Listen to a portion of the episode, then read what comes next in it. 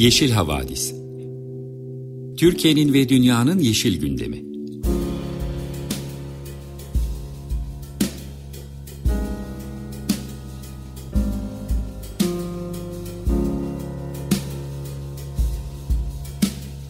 Hazırlayan ve sunanlar Selin Uğurtaş ve Arca Yılmaz.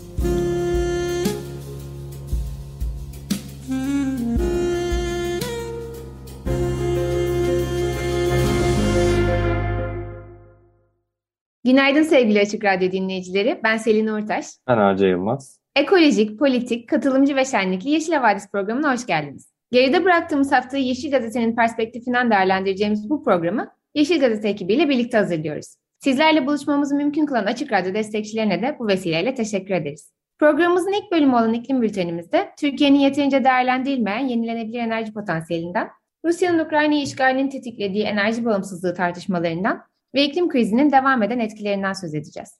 Ardından ayrıca ekoloji bülteninde İstanbul'daki çınarların hastalanmasından ve ülkenin çeşitli yerlerinde yapılan eylemlerden söz edecek. Bir de önceki haftalardan bir fikri takip yapıp size daha önce bahsettiğimiz meselelerdeki son durumu aktaracak. Bu haftaki röportajımızı yeni yayınlanan çok önemli bir rapor üzerine araştırmacı Özge Doruk ile gerçekleştirdik. Hatırlarsanız Ağustos sonunda Batı Karadeniz'de 3 ilimizin afet bölgesi ilan edilmesine neden olan büyük bir sel felaketi yaşanmıştı. Tabi aradan geçen zamanda burada hayatları tepe taklak olan vatandaşlarımıza ne olduğuna dair pek haber alamadık. Özge Doruk Yeşil Düşünce Derneği'nden çıkan araştırmasında Kastamonu'nun Bozkurt ilçesinde afet akibinde yaşananları iklim adaleti penceresinden değerlendirmiş. Bu sohbetimizi dinleyeceksiniz. Programımızın son kısmında ise Ukrayna Savaşı'ndan, Nevruz'dan ve Türkiye'deki hak mücadelelerinden bahsederek günü tamamlayacağız. Hepsinden önce güne keyifli bir parçayla başlayalım. J.J. Johansson'dan I Heard Somebody Whistle'ı dinliyoruz. Tekrar merhaba. 95.0 Açık Radyo'dasınız. Ben Selin. Yeşil Havadisi iklim bülteniyle başlıyoruz. Türkiye'de enerji dönüşümü çok konuştuğumuz bir mesele. Yenilenebilir enerji potansiyeli yüksek olan ancak yeterince değerlendirilmeyen bir ülkede yaşıyoruz. Nelerin başarılabileceğini hatırlatan, motive eden çalışmaların bu nedenle çok önemli olduğunu düşünüyorum. İlk olarak paylaşmak istediğim haber de böyle bir raporla ilgili. İsmi Kömür Sahalarının Güneş Potansiyeli. Yayınlayan örgütler arasında Kömürün Ötesinde Avrupa, Avrupa İklim Eylemi, Greenpeace Akdeniz, 350.org gibi tanıdık oluşumlar var. Raporda Türkiye'de açık madencilik yapılan kömür sahalarının güneş enerjisi üretim potansiyeli analiz edilmiş. Bu araştırmaya göre eğer bu sahalar güneş panelleriyle donatılırsa 7 milyona yakın hanenin yıllık enerji ihtiyacı karşılanabilir. Bu açık madencilik sahaları geniş alanlara yayıldıkları için güneş santrali kurulumuna elverişli alanlar. Bir de tabii trafo merkezleriyle, iletim hatlarıyla hali hazırda bağlantıları var. Bu da maliyetten tasarruf sağlayacak bir unsur. Bu açık maden ocakları şu anda 22 kömürlü termik santrale kömür sağlıyorlar. Bu termik santrallerin toplam kurulu gücü ise 10.500 megawatt civarında.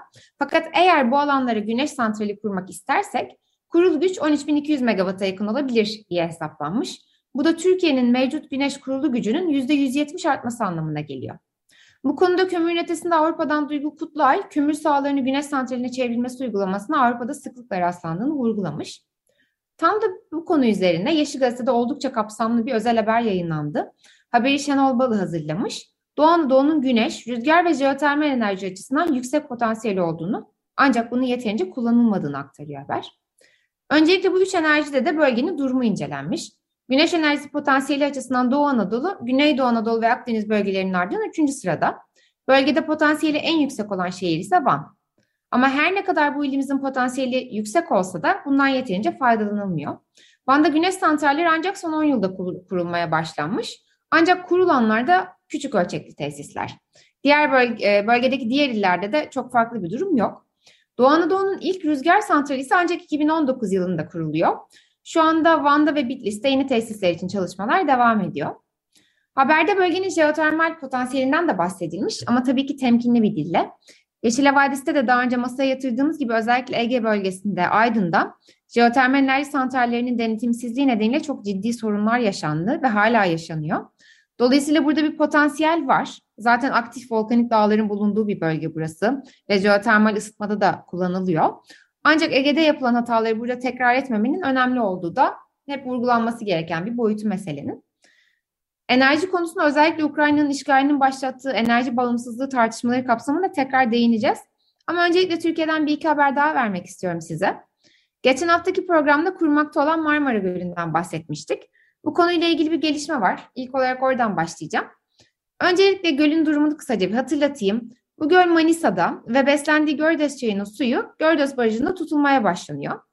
Bu da tabii Marmara Gölü'nün ölüm fermanı anlamına geldi. Çünkü her ne kadar besleme kanalları inşa edilmiş olsa da devlet su işleri bu kanallardan göle su vermiyor. Ve bu son 2-3 yıldır göl artık tamamen kurumuş halde. Bu hafta bu meselenin Türkiye'nin ilk iklim davası olarak yargıya taşındığı duyuruldu. Davayı Altı Parmak Hukuk Bürosu üstlendi. Türkiye'nin Birleşmiş Milletler İklim Değişikliği Çerçeve Sözleşmesi ve Paris İklim Anlaşması'ndaki taahhütlerine aykırı politikalar üstlendiği ve gölün kurumasına neden olduğu, bu kurumadan kamu idarelerinin so- sorumlu olduğu savunuluyor. Dava Manisa İdare Mahkemesi'nde görülecek.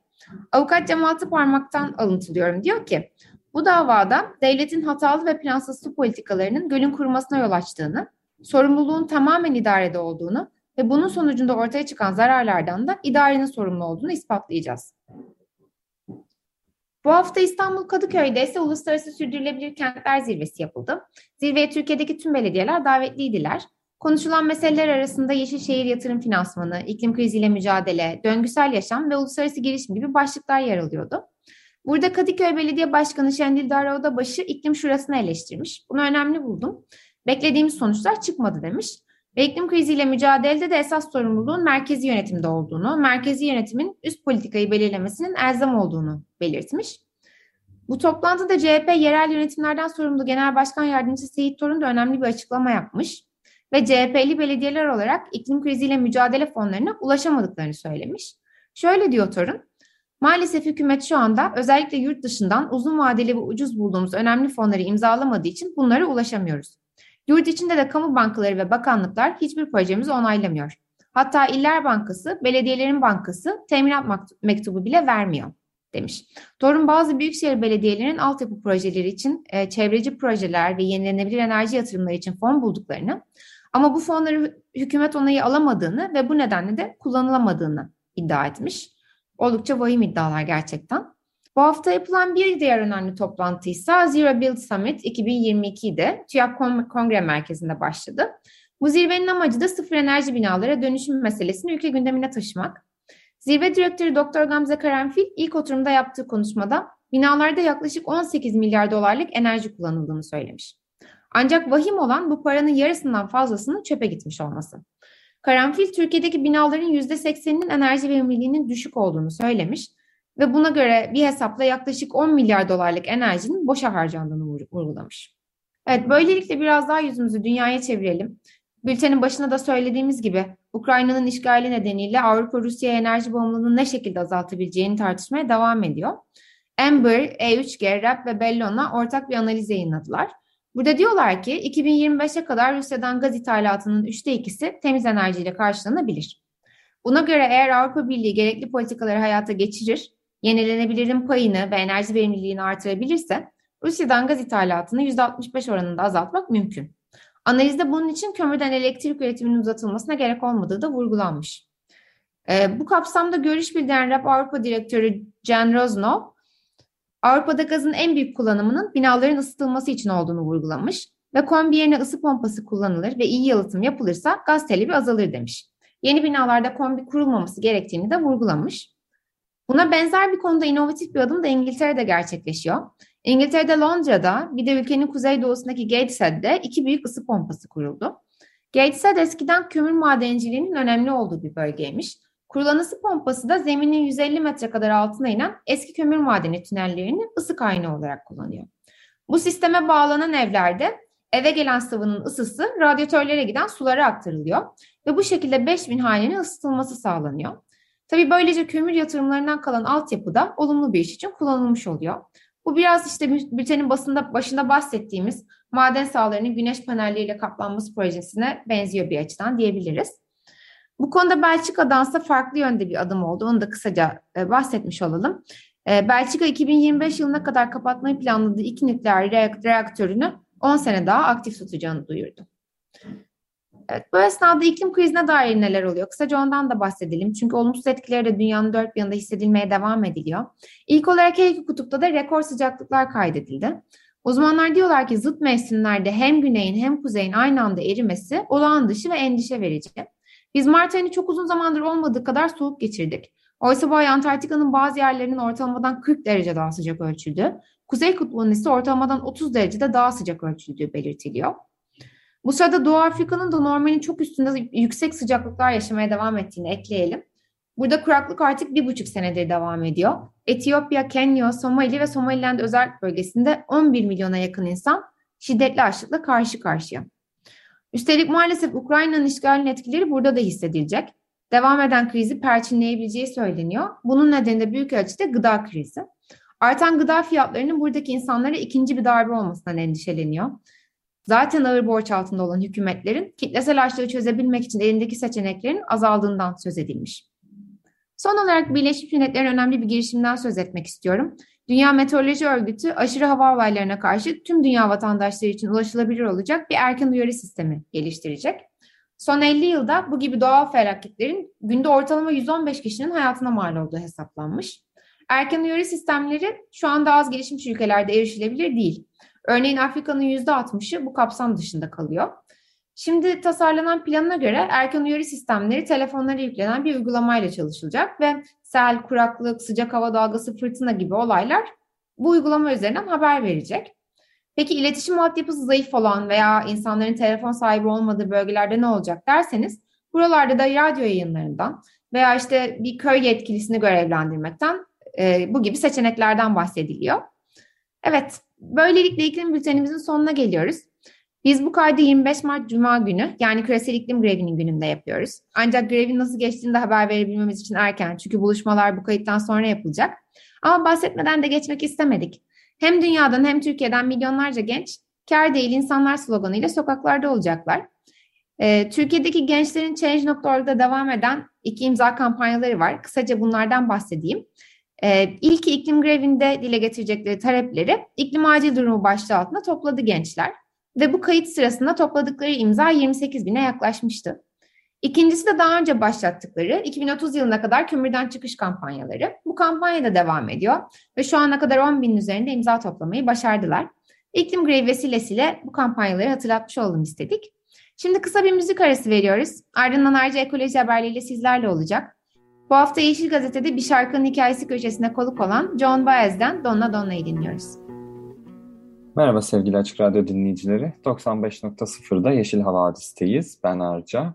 Bu haftanın bir ekoloji gündemine bakalım istiyoruz. Şimdi ilk haberimiz mega projelere dair. Geçtiğimiz Cuma günü 18 Mart'ta Çanakkale Köprüsü açıldı. Ee, Türk Mühendis ve Mimarlar Birliği TMOB'a göre köprü için 5000 hektar tarım arazisi kamulaştırıldı. 500 binde ağaç kesildi. Tabii bir de bu genişlikte bir yolun ekosistemlerin bölünmesine olan katkısını unutmamak lazım. Ormanlar sadece ağaçlar değil aynı zamanda. Hmm, ayrıca günlük 15 euro artı KDV fiyat garantisiyle günde 45 bin araç geçiş garantisi verildi. E, yapılan hesaplamalara göre güncel rakamlarla Çanakkale Boğazı'nın feribotla günde sadece 12 bin araç geçiyor. Onun üstü devlet tarafından karşılanacak gibi görünüyor bu projede. Geçiş ücreti olarak da 200 TL belirlenmiş durumda. İstanbul'un çevre gündemi de yoğun tartışmalara sebep oldu bu hafta. Ee, asırlık çınarlar tehlike altında İstanbul'da. Bu da geçen haftanın en çok konuşulan haberlerinden biriydi. İstanbul Büyükşehir Belediyesi çınar kanserine yakalanan koruma altındaki 112 yaşlı ağacı kesti ve bu tartışmaları alevlendirdi. Ancak ortada koruma kurulu kararı ve çok hızlı yayılan bir hastalık durumu var. Temada konuyla alakalı bir açıklama yaptı çok kolay yayılan bir mantar türünün sebep olduğu çınar kanserinin ne yazık ki bir çaresi de yok. O yüzden hasta ağaçlar kesilip alandan uzaklaştırılmalı ve yetiştiği toprak dahi temizlenerek sterilize edilmeli. Belediye de bu hastalıkla mücadele için 2012'den beri aralıklarla kesim yapıyor. Hastalıklı ağaçları Tabiat Varlıkları Koruma Kurulu'ndan aldığı kararlara göre alandan uzaklaştırıyor. Bu ağaçların bir kısmı Çırağan Caddesi üzerinde Yıldız Parkı'nda olanlar var. O bölgede e, çoğu ağaç aslında bu hastalığa yakalanmış durumda ne yazık ki. Yani e, yine İstanbul'dan İSKİ Genel Müdürü Raif Mermutlu'nun İstanbul için yaptığı bir uyarı var. E, bu sene yağışlar çok fazla olduğu için barajlar neredeyse doldu ve taşma riski var. İstanbul'daki barajlar için bir taşkın kontrol sistemi olmadığını söylüyor İSKİ Genel Müdürü. O yüzden vatandaşları ani taşkınlarda dere yataklarında bulunmamaları için uyardı.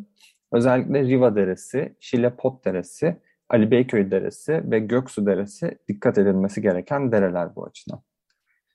Şimdi biraz da kısa kısa önceki programlarda ele aldığımız haberlerin fikri takiplerini yapalım istedik bu hafta. Çünkü bu hafta bu haberlere dair gelişmeler oldu. İlk olarak Muğla'dan bir haber var. Milas'taki Bargilya Tuzlası'na yapılmak istenen bir inşaat projesi vardı. Yine büyük bir inşaat projesi. Bu projenin sahipleri Besim Tibuk ve Ali Ağoğlu. E, müteahhitler 480 bin metrekarelik alanda yaklaşık 16 bin kişilik tatil köyü yapmak için inşaat ruhsatının alındığını duyurdular. E, bunun üzerine Muğla Çevre Platformu MUÇEP üyeleri korumaktan yana olmak varken ruhsat verme, vermek nedir şiarıyla e, Milas Belediyesi önünde bir basın açıklaması yaptı. E, Milas Belediyesi'nin ruhsat izni verdiği biliniyor. O e, yetki Milas Belediyesi'nde burada. Ayrıca projeye Bodrum Belediye Başkanı da karşı çıkıyor. Özellikle yapılaşma ve su baskısının, su stresinin Bodrum'da da hissedileceğini düşündüğü için. Bir başka proje ise Çeşme'deki turizm projesi. İzmir'in Kanal İstanbul'u başlığıyla tartışılıyordu bir dönem. Ancak projede kanal planı iptal edildi. Yine de yapılaşma devam ediyor. Yapılaşma planları devam ediyor. 23 Mart'ta Turizm Bakanı planı açıkladı. Planın çok detayına giremiyorum burada ama yapılmak istenen inşaat alanı 1.5 milyon metrekare. Toplam 120 milyon metrekarelik devasa bir plan bu. Ee, gerçekleştirilen toplantıda İzmir Büyükşehir Belediye Başkanı Tunç Soyar, Çeşme Belediye Başkanı Ekrem Oran, e, İzmir Ticaret Odası Başkanı Mahmut Özgener, bölgenin önde gelen sivil toplum kuruluşlarının yetkileri ve yetkilileri ve iş insanları da vardı. E, Çeşme Çevre Platformu ise itirazını sürdürüyor. Platformun ifadesine göre Çeşme Yarımadası'nın yarısından kap, fazlasını kapsıyor bu proje.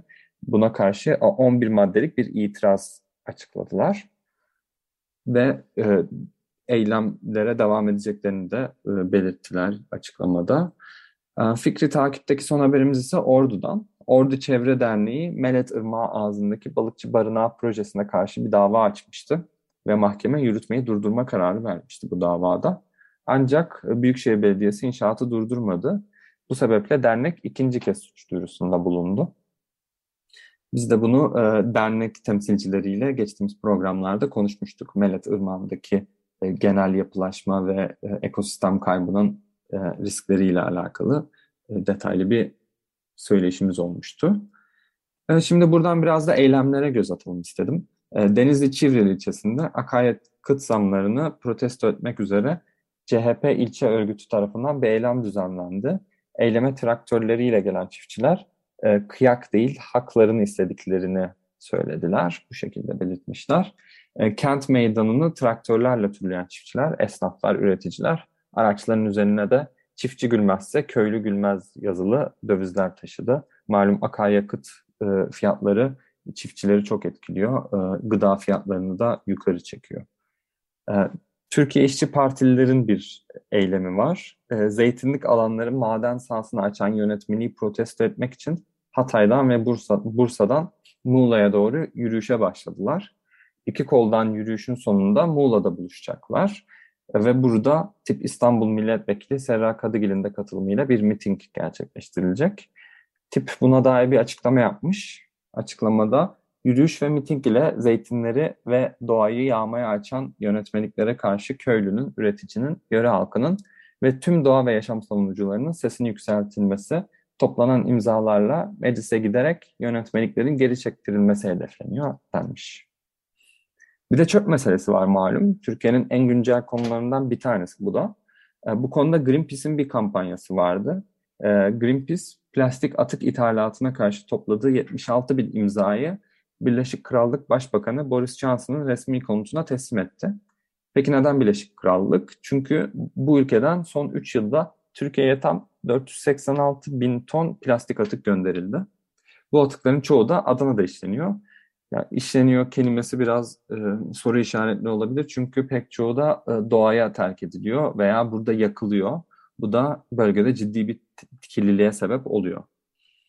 E, son olarak bir araştırma raporu var. İsviçre merkezli hava kalitesi teknolojileri şirketi IQ Air tarafından e, her yıl, her yıl yayınlanan bir rapor bu.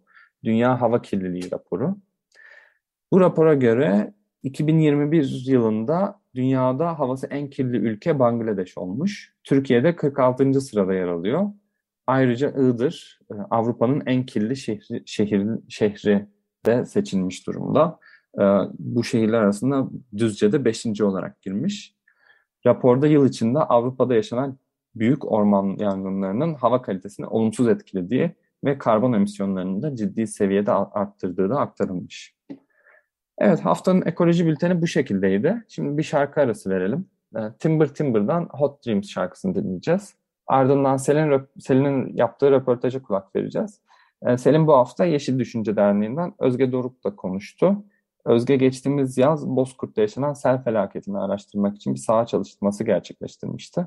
İklim adaleti perspektifinden yaptığı bu araştırmanın sonuçlarını bizimle paylaştı. Evet şimdi şarkımızı dinleyelim. Sonra röportaj sizlerle olacak. Merhaba, 95.0 Açık Radyo'da Yeşil Havadis'tesiniz. Ben Selin. Bugün Türkiye'de örneğini az rastladığımız kıymetli bir rapor üzerine çalışmanın yazarı, araştırmacı Özge Doruk ile konuşacağız. Bozkurt İklim Adaleti üzerine başlıklı çalışma Özge'nin imzasıyla Yeşil Düşünce Derneği tarafından yayınlandı. Konuya girmeden e, ve Özge'ye bir sürü soru sormadan önce kısa bir anı, anımsatmayla başlayayım. E, bu raporda bahsi geçen Bozkurt, Kastamonu'nun bir ilçesi. Hatırlarsınız bu ilimizin de bulunduğu Batı Karadeniz bölgesi 2021 Ağustos ayında çok ciddi bir sel felaketiyle sarsılmıştı. O dönem e, işte ilçeye metrekareye 116 kilogram yağış düştüğü söylenmişti. Raporda da 48 saat içerisinde bir yılda düşen toplam yağışın yarısından fazlasının 48 saatte yağdığından bahsediliyor. Zaten akabinde hem Kastamonu hem de Bartın ve Sinop afet bölgesi ilan edilmişti. Tabii o iki haftalık süreçten sonra e, bölgede son duruma dair pek bir haber alamadık. E, bu da bizim Türkiye'de epey alıştığımız bir durum. Bir felaket yaşanınca kısa süreliğine bütün gözler o bölgeye dönüyor. Ama zamanla hem konu unutuluyor hem de ardından ne yapıldı, verilen vaatler tutuldu mu bunu takip eden pek birileri çıkmıyor. Biraz da bu nedenle bu çalışma beni bu kadar heyecanlandırdı. E, ve Özge ile şimdi uzun uzadıya konuşabileceğimiz için çok mutluyum. E, Özge öncelikle eline sağlık ve hoş geldin. Hoş bulduk ve çok teşekkür ederim Selin. Ee, beni de heyecanlandıran bir çalışma olmuştu. Böyle güzel bir sohbet olacak umuyorum. E, eminim öyle olacak. Ben de okurken e, çok mutlu oldum böyle şeylerin yapıl yapılıyor olmasından. E, şimdi aslında ilk başta birazcık raporun başlığıyla ve bir kavramları netleştirerek başlamak iyi olabilir diye düşündüm. E, çünkü iklim adaleti üzerine bir rapor siz de bunu böyle tanıtıyorsunuz. E, bu kavramın e, açıklamasıyla belki biraz başlayabiliriz. Yani Bozkurt'ta yaşanan olayı iklim adaleti açısından ele almak tam olarak ne anlama geliyor? Nasıl farklı bir yaklaşımdan bahsediyoruz? Evet yani e, Bozkurt'ta yaşanan sel olayı ya da daha doğrusu özellikle Karadeniz bölgesinde yaşanan seller bildiğimiz hani genel itibariyle doğal afet kapsamında değerlendirdiğimiz olaylar. Yani aynı şekilde hani Bozkurt'ta yaşanan olay da doğrudan iklim krizinin bir sonucu diyemeyiz. Başka etkenler de var. Ama iklim krizinin etkileriyle birlikte hani e, ekstra yoğun ve hani ağır bir şekilde yaşanmış bir durum. Bunu da yadsıyamıyoruz. İklim adaleti çerçevesini çizerken de aslında biraz da meselenin bu işte e, hem iklim krizi ile birlikte yaşayacağımız bu yaşadığımız yoğunluk sürecini hem de hani meselenin biraz adalet boyutunu hani o afet sürecinden bir tık daha çıkarıp başka bir kavram çerçevesinde tartışmak istedik. Ee, bu bağlamda zaten amacını çizdi çalışma. Çok teşekkürler. Biraz da aslında bu iklim adaleti konusunun adalet boyutunu ben de sana sormak istiyordum. Raporda da afet, afet sonrası toplanmanın sosyoekonomik durumla ilişkili olduğundan bahsediyorsunuz. Bu konudaki gözlemlerini biraz açabilir misin? Farklı sosyoekonomik durumlardaki vatandaşlar bu afeti nasıl farklı şekillerde deneyimlediler veya sonrasındaki süreci? Elbette. Şöyle ilk önce bu sorunun cevabından önce çok kısa bir şeyi açıklamak isterim. Yani iklim adaleti dediğimiz mevzu da kendi içinde çok kapsamlı bir şey aslında hani konu, kavram. Bu bağlamda da çok farklı yaklaşımlarla ele alınan bir yerde. Bozkurt özelinde özellikle hani o e, sosyoekonomik durum e, hak ihlali ve işte toplumsal cinsiyet eşitsizliği bağlamında mesela bulgular bu desteklerdeydi. Benim görüşme yaptığım görüşmeler totalde 15 görüşme yaptım. E, ve çok farklı meslek gruplarından, yaştan, e, e, sosyoekonomik durumdan insanlarla görüşme şansım oldu. E, bu aslında bayağı da hani bir şey herkes tarafından nasıl yaşanıyor güzel bir şekilde özetliyordu. Yani şunu diyebilirim ki özellikle hani o gün Bozkurt'ta olup bu felaketi yaşayan herkes için çok travmatik bir süreç bu. Herkes aynı şiddette yani o an için o aynı şiddette yaşasa da e, devam eden süreçteki tüm bu iyileşme, onarımla alakalı işte yardımlardır, e, iletişimdir, maddi manevi destekler vesaire her şey yani çok farklılaşıyor. Mesela eğer bir eviniz varsa Kastamonu'da, İstanbul'da orayı terk etme hızınız, oradan uzaklaşma hızınız çok hızlı bir şekilde olur da tabii. Direkt oradan taşınan bir sürü insan var. Nüfusu bayağı azaldı vesaire. E, sizin gördüğünüz farklı bir süreç oluyor. Ama aynı şekilde konuştuğum insanların bir kısmı işçiydi ve hani e, kirada oturuyor. Herhangi bir ev sahibi değil vesaire. E, kirada oturduğu ev yıkıldıktan sonra yani tekrardan yeni bir eve çıkma durumu ya da o evle ilgili bir yardım zaten alamıyor. E, sigorta durumuna bağlı olarak aldığı yardım farklılaşıyor vesaire ya da alamıyor. Burada mesela farklı aktarımlar söz konusuydu. Ya yani işini kaybediyor, işini kaybettiği için e, Bozkurt'tan taşınıyor, Kastamonu merkeze geliyor. Daha sonrasında orada mesela bir grup insanla birlikte eve çıkıyor. E, akabinde e, çalıştığı fabrika onu geri çağırıyor ama tekrardan öyle bir sürece giremeyeceği için de bu sefer fabrika tazminat vermiyor gibi mesela durumlar. Ve bunlar dediğim gibi herkes tarafından çok farklı seviyelerde yaşanıyor ve bu seviyelere göre de aktarımları oluyor mesela. Hani yardım süreçlerinin harikulade ilerlediğini söyleyen insanlarla da konuştum. Hani her zaman hani böyle tırnak içinde devletimiz başımızda hiçbir zaman bizi yalnız bırakmadı vesaire. Ama tam tersi örneklerde özellikle hani sosyoekonomik olarak en alt seviyede olan insanlarda mesela hiçbir şekilde bir geri dönüş alamadım. Daha ziyade yalnız kaldıklarına yönelik dönüşler geldi vesaire. Burada bir tık da şunu ekleyebilirim. Bir zaten hani genel bu iklim adaleti kapsamında yapılan çalışmalarda belirtilen hani politik temsiliyetiniz ne kadar azsa aslında bir yanıyla da yardımlara ulaşma ya da kendinizi sesinizi duyurma olasılığınızı bir, bir o kadar azalıyor üzerine bir önermeydi e, Bozkurt'ta aslında bunu destekler bir yerden hani bulgular ortaya çıktı. Çünkü özellikle hani politik olarak e, mevcut iktidara yakın olmayan ya da işte hiç bu işlerle alakası olmayan insanların bu iletişim süreçlerindeki kopuklukları, yardımlara hemen ulaşamama, haberleri olmama gibi durumlar vesaire doğuyor. E, bu da hani ayrı bir gerçekten adaletsizlik söz konusu. E, bu şekilde bulgular var. Burada evet. istersen tekrar topu sana atayım. Teşekkürler. Evet raporda o da bana çok ilginç gelmişti. Yani sanki en fazla ihtiyaç duyan kesimin e, bu yardımlara ulaşması en zor gibi görünüyordu. Bu da üzerine düşünülmesi gereken bir şey muhakkak. Özge bir de bize e, sen şimdi Kasım ayı sonunda oradaydın.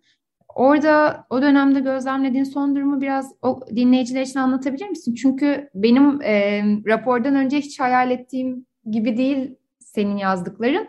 Bir kere sanki böyle ilçe merkezinde bir şantiye anlatıyorsun.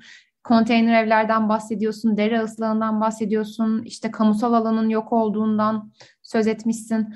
Ee, gerçekten yer yerinden oynamış ve çok da bir gelişme olmamış gibi anlıyorum. Neler gözlemledin? Bize biraz gözümüzde canlandırmamız için tarif edebilir misin?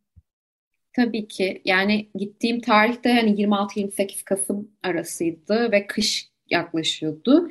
Hani bir yanıyla da hava koşullarını da sayarsak hani yoğun kasvetli havalara e, yaklaşılan dönem içerisinde e, yani bir hayli şey nüfusun azaldığı e, dere yani şey orada gittiğimde de mesela hala yıkım çalışmaları devam ediyordu. Hani toparlanmaya ilişkin bir süreçten ziyade derenin genişletilmesine yönelik çok fazla iş makinesinin hani alanda olması. Ya yani her yerin e, çamurla kaplı olması mesela hani her yerin hani bas böyle e, şey hissiyatını çok net alıyorsunuz mesela hani bir olay yaşanmış ama geçmemiş ve geçmiyor. Yani orada kaldığınız sürece bu şeyi her gün tekrardan yaşıyormuşsunuz hissiyatı veriyordu ki ben sadece birkaç gün oradaydım. Bunu belirten insanlar da oldu. Hani mesela e, Bozkurt'tan Kastamonu'ya taşınmış. Özellikle Bozkurt'a dönmek istemiyor çünkü hatırlamak istemiyor, görmek istemiyor hani Kastamonu'dayken daha iyi hissettiğini söylüyor ki aslında çok da bayağı hala mağdur bir süreçte. Ee, yani evler yıkılıyor vesaire bir kısım insan için hani kısıtlı bir şekilde konteyner mahalle gibi küçük bir mahalle alanı yapılmış. Ee, bir yanıyla da esnaflar için konteyner bir e, esnaflara konteyner evler daha doğrusu işte dükkanlar tahsis edilmişti vesaire. E, bence buradaki en büyük kayıp da görüşmecilerin de aktardığı bir kısmının e, yani kamusal alan olmayınca gerçekten insanların bir araya gelebilecekleri hani sadece şey yönünde düşünmeyelim. Yani maddi, manevi kayıplar tabii ki özellikle hani can kaybıyla birlikte çok ayrı bir hikaye yani çok ayrı bir süreç. Ama bir yanıyla da toparlanmaya çalışırken ki o e, küçük gibi görünen ama çok önemli temsiliyetler hani derenin şeyle taşmasıyla birlikte özellikle insanların hani bir araya geldi dere kenarındaki küçük işte e, çayhaneler, kadınların el, el işlerini sattığı böyle şey dükkanlar hani kadın el emeği ürünleri dükkanları vesaire bunlar komple yok olmuştu mesela öyle bir alan da yok. Ve burada da mesela şey aktarıyordu e, bir çok az kadın görebildim dışarıda mesela bir tanesi esnaftı onunla konuştuğunda hani e, o alanın yıkıldıktan sonra mesela el işi yapıp satan kadınlardan bir kısmının bu işi bıraktığını çok da dışarı çıkmadıklarını falan belirtti. Yani sosyalleşme alanları özellikle hani burada mesela erkekler için yine e, yani tam bir gerçekten şey böyle eşitsizlik sıralaması. Erkekler yine bir şekilde hani onlar için de kısıtlı bir olsa bir alan kurabilmişler ama kadınlar için öyle bir şey yok. Ya da şey de çok kötü bir durumda. Hani mesela konteyner evlerin önünde yaşlı insanlar var vesaire. Ee, yani başka bir alana gidemiyorlar ve hemen evlerin önünde harbi mesela iş makineleri çalışıyor ve sürekli bir gürültüye ve kirliliğe maruz kalıyorlar. Ve bu ne kadar böyle devam edecek mesela bununla alakalı bir netlik de yok. Çok büyük bir belirsizlikti yani Bozkurt süreci. Muhtemelen şu an bilmiyorum ama hani e, umuyorum ki daha bir toparlanma halindedir. Katman katman bir eşitsizlik tarif ediyorsun gerçekten. Hani bir yandan sosyoekonomik durumlar, bir yandan cinsiyet eşitsizliğinin yansımaları var. Ee, ilginç bir durum. Bir de Özge, bu psikolojik tarafı raporda da bahsettiğin bana çok yoğun geldi. Aslında normal ama insan nedense felaketten sonra hemen ekonomik boyutunu düşünmeye başlıyor. Ve belki psikolojik tarafına yeterince e, düşünce ayırmıyoruz ama özellikle çocukların oyunlarıyla ilgili yazdığın şeyler Beni çok sarstı işte evin içerisinde selden kaçma oynamaları. Ee, işte bir çocuk e, sokakta yürürken korkuyorum çünkü her tarafta su beni takip ediyor gibi geliyor falan demiş mesela. Bu çok vurucu geldi bana düşünce olarak. Ee, bununla ilgili bir gözlemin oldu mu? Sana anlatılan şeyler oldu mu diye bir sormak istedim. Evet yani görüştüğüm her kesimden insanın özellikle belirttiği şey hani yağmurdan korktukları e, en ufak yağmurda bile tedirgin oluyorlar vesaire. Ya bu psikolojik durumla alakalı hani her afet sonrası yaşanan bir travma ve muhtemelen hani mesela bu e, belki ancak hani yoğun bir terapi süreciyle normalleştirilecek bir şey ama oradaki çoğu insan için mesela artık böyle zihinlere özellikle hani çocuklar için hani zihinlere işlemiş bir durum ve bunu mesela hani tıpkı yani şeyde olduğu gibi mesela şu an yıkım çalışmaları devam ediyor. Ee, yıkım çalışmaları ve tekrar inşa etme süreci şey olurken hani buradan insana dair olan öğeler gözden çıkartılıyor gibi ya da önceliklendirilmiyor gibi. Tabii ki bir şeyin tekrardan yapılmaya çalışılırken elbette her şey aynı anda olmayabilir ama hani gündeme bile gelmemesi biraz canımı sıktığı için özellikle hani o noktadaki aktarımları e, ben de aktarmaya çalıştım insanlardan gelen Bence çok görüşleri. iyi yapmışsın. Evet çünkü gerçekten dediğin çok doğru. Hep inşaat üzerine işte e, evler yıkıldı, evler yapılacak mı? İşte dere ıslahı olacak mı? Hemen bu maddi şeylere gidiyor aklımız ama dediğin o kadar doğru ki o kamusal alan mesela çok az e, düşünülen bir tarafı belki işin kadınların sokağa çıkamaması, çocukların dışarıya çıkamaması veya işte bir psikolojik destek olacak mı böyle bir sürecin ardından. Bence bunu vurgulaman gerçekten çok kıymetli olmuş. Evet, yani burada şunu belki belirtmem lazım ki e, afetin ilk döneminde e, psikososyal destek için de oraya giden hani gönüllü psikologlar ya da oluşumlar olmuş ve bir sürede bu devam etmiş. Sadece burada e, temel mesele her bağlamda e, sürekliliğin olmaması. Yani ben gittiğimde böyle bir süreç yoktu ama bu sadece o ana özgü de bir durum değil. Dediğim gibi sadece psikolojik anlamda değil her anlamda e, bir kopukluk var. E, o süreklilik konusu şeyde de çok ilginç. E, hani bütün ülkenin ilgisini bir süre orada tutup sonra kaybediyoruz dedik ya sanki bölgede de benzer bir şey var gibi. Şey yazmışsın raporda işte e, sanırım valilikten bahsediyorsun yanlış söylemeyeyim yanlışsam düzelt lütfen. İki ay boyunca güncellemeler yapılmış ama ondan sonra sanki olay olmamış gibi artık güncellemeler yapılmamaya başlanmış. Yani iki ayda ne değişiyorsa e, biraz ilişkili gibi geldi bütün bu anlattıkların. Evet, yani şey Bozkurt Belediyesi hani her gün neredeyse hani bugünkü durumla alakalı böyle web sitesinde duyuru kısmında görmüştüm. Belli bir tarihten sonra kesiliyor. Geçenlerde baktığımda mesela eski kayıtlara dolaşamadım. Hani duyuru kısmında bayağı hepten gitmiş. Yani burada da mesela yine insanların bilgiye eriş erişememeleri e, yani çok büyük bir problem. Bu mesela bu alanda yapılan benzeri çalışmalarda da belirtilen bir durum. Hani iklim adaleti daha doğrusu e, afet süreçleri sonrasındaki dayanıklılıkla alakalı bir şey. Hani e, kimsenin kimseden haberi yok. Hani bilgi almak için illa bir şekilde belli bir konumda olmak ya da belli bir tanıdık bulmak gerekmemesi gerekiyor aslında. İnsanların ne kadar hani bilgilendirilme hali ve bu bilginin de doğrulu doğru olması daha doğrusu hani bu ev muhabbeti gibi hani mesela ev yapacağız dediğinizdeki şeyi adım adım onlarla birlikte inşa etmeniz gerekiyor ki bir şekilde onlar için orada hani iyileşme ve onarım sürecindeki şeyleri olsun. Hani iyileşebilsinler gerçekten. Öyle bir durum yok şu an. Evet aslında bu e, bitirmeden bu dayanıklılık ve kırılganlık meselesine de ben de bir girmek istiyordum. E, sen de oraya getirmiş oldun sözü. Çok teşekkürler. E, sen ne düşünürsün bilmiyorum da raporu okurken beni en çok huzursuz eden e, olayı algılayışımda şey oldu. Edilgenlik. E, sanki orada yaşayan insanların kendi kaderleri üzerinde bir söz hakkı yok gibi. Her şey devletin elinde tam ne olacağını bilmiyorlar. Yapılacak şeyler üzerinde pek bir söz hakları yok gibi. E, sivil toplum anlamında bir zayıflık var veya işte bir birlikte hareket etme hali yok. E, bu, bu da biraz tabii o raporda bahsettiğin dayanıklılık kavramıyla ilişkili gibi hissettim. E, sen ne dersin? Bu, bu benim edilgenlik diye tanımladığım şey aslında kırılganlığın bir yansıması mı? Tabii ki ya şey yani Bozkurt hani bir kere coğrafi olarak maalesef hani şey kırılgan bir noktada. Bunu şey için söylemiyorum.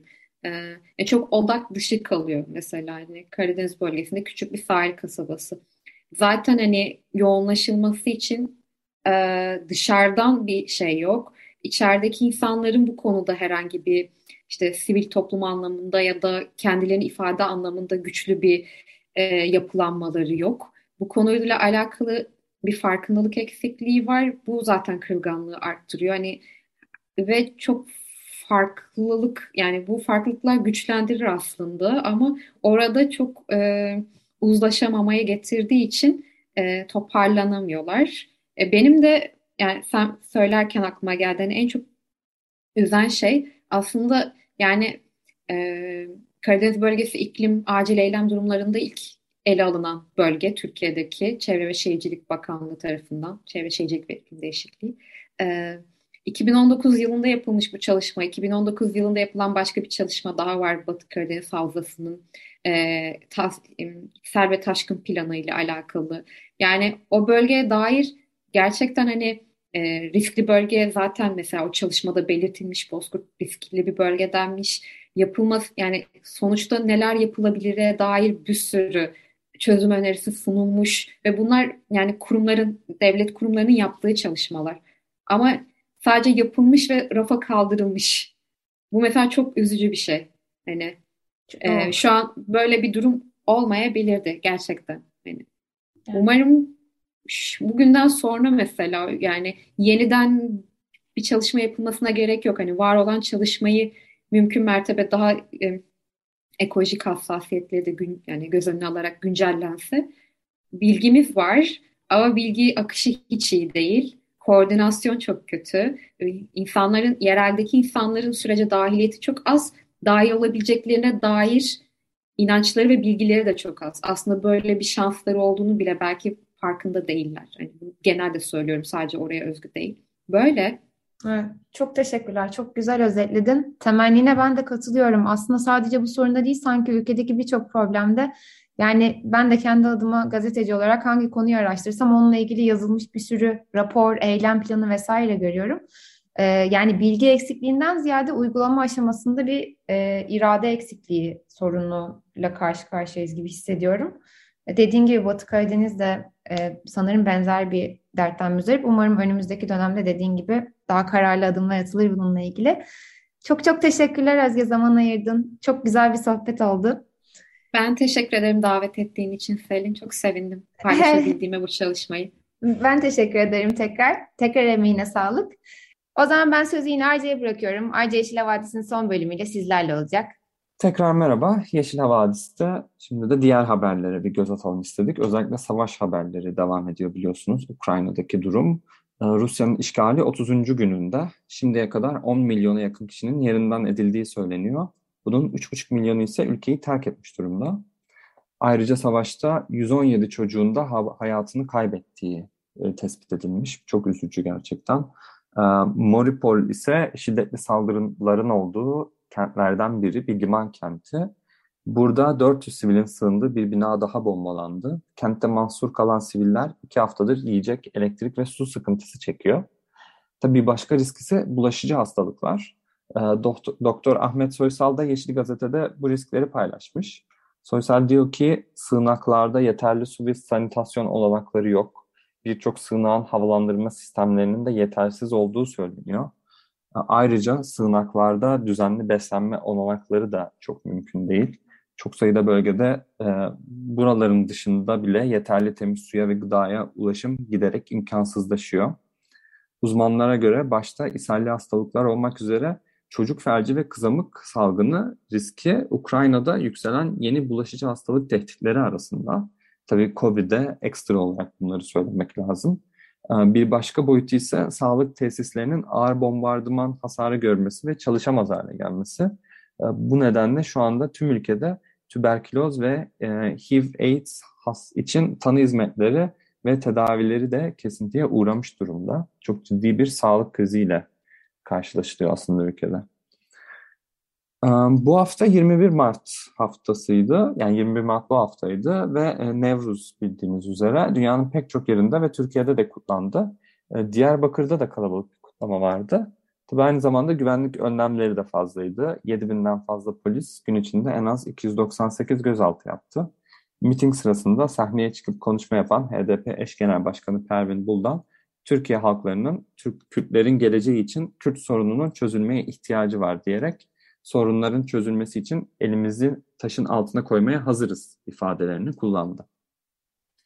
Eşik platformu TBMM'nin gündemine getirilen kadına karşı şiddet ve sağlıkta şiddetle mücadele konusunda Türk Ceza Yasası ve Ceza Mahkemeleri Kanunu'nda kimi değişiklikler yapılmasını öngören yeni kanun teklifiyle kadına karşı şiddetin önlenemeyeceğini belirtti ve buna bir tepki gösterdi. Bir açıklamaları var. Bu açıklamada sorunun yasalarda değil, yasaların uygulanmamasında olduğunu vurguladılar. Ayrıca açıklamada şu ifadeler de vardı. Ee, iktidar bir şey yapmak istiyorsa imzanın çekilmesi kararı üzerinden bir yılın geçtiği İstanbul Sözleşmesi'ni hayata geçirerek ilk adımı atabilir. Bu hafta Gezi davasının bir duruşması da görüldü. Savcılığın 4, Mart, 4 Mart'ta Osman Kavala ile Ayşe Mücella Yapıcı için ağırlaştırılmış müebbet hapis talebinde bulunduğu mütalanın ardından ilk duruşması vardı. Ee, soruşturmanın genişletilmesi talebini reddeden mahkeme sanık ve e, müdafilere son kez savunma süresi vererek duruşmayı 22 Nisan'a erteledi. Ee, Osman Kavala'nın tutukluğuna da devam ediliyor bu arada. Evet son şarkımızı vermeden önce bülteni üzücü bir haberle kapatıyoruz. Gazeteci yazar Aydın Engin 24 Mart günü yaşamını yitirdi. 81 yaşındaki Engin 8 Mart'ta geçirdiği bir ameliyatın ardından gelişen komplikasyonlar nedeniyle yoğun bakımdaydı. Ee, evet, şimdi Ahmet Ali Aslan ve Nilipek düeti dinleyelim. Benimle yaşlan. Böylelikle 95.0 Açık Radyo'da Yeşil Gazete'nin katkılarıyla hazırladığımız Yeşil Avaz programının sonuna geliyoruz. Bizi dinlediğiniz için çok teşekkür ederiz. Haftaya yine aynı saatte görüşmek üzere. Hoşçakalın. Hoşçakalın.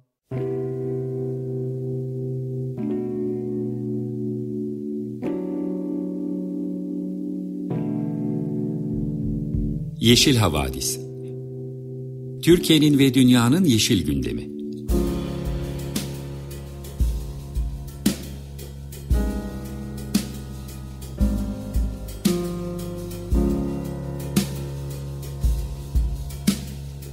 Hazırlayan ve sunanlar Selin Uğurtaş ve Arca Yılmaz.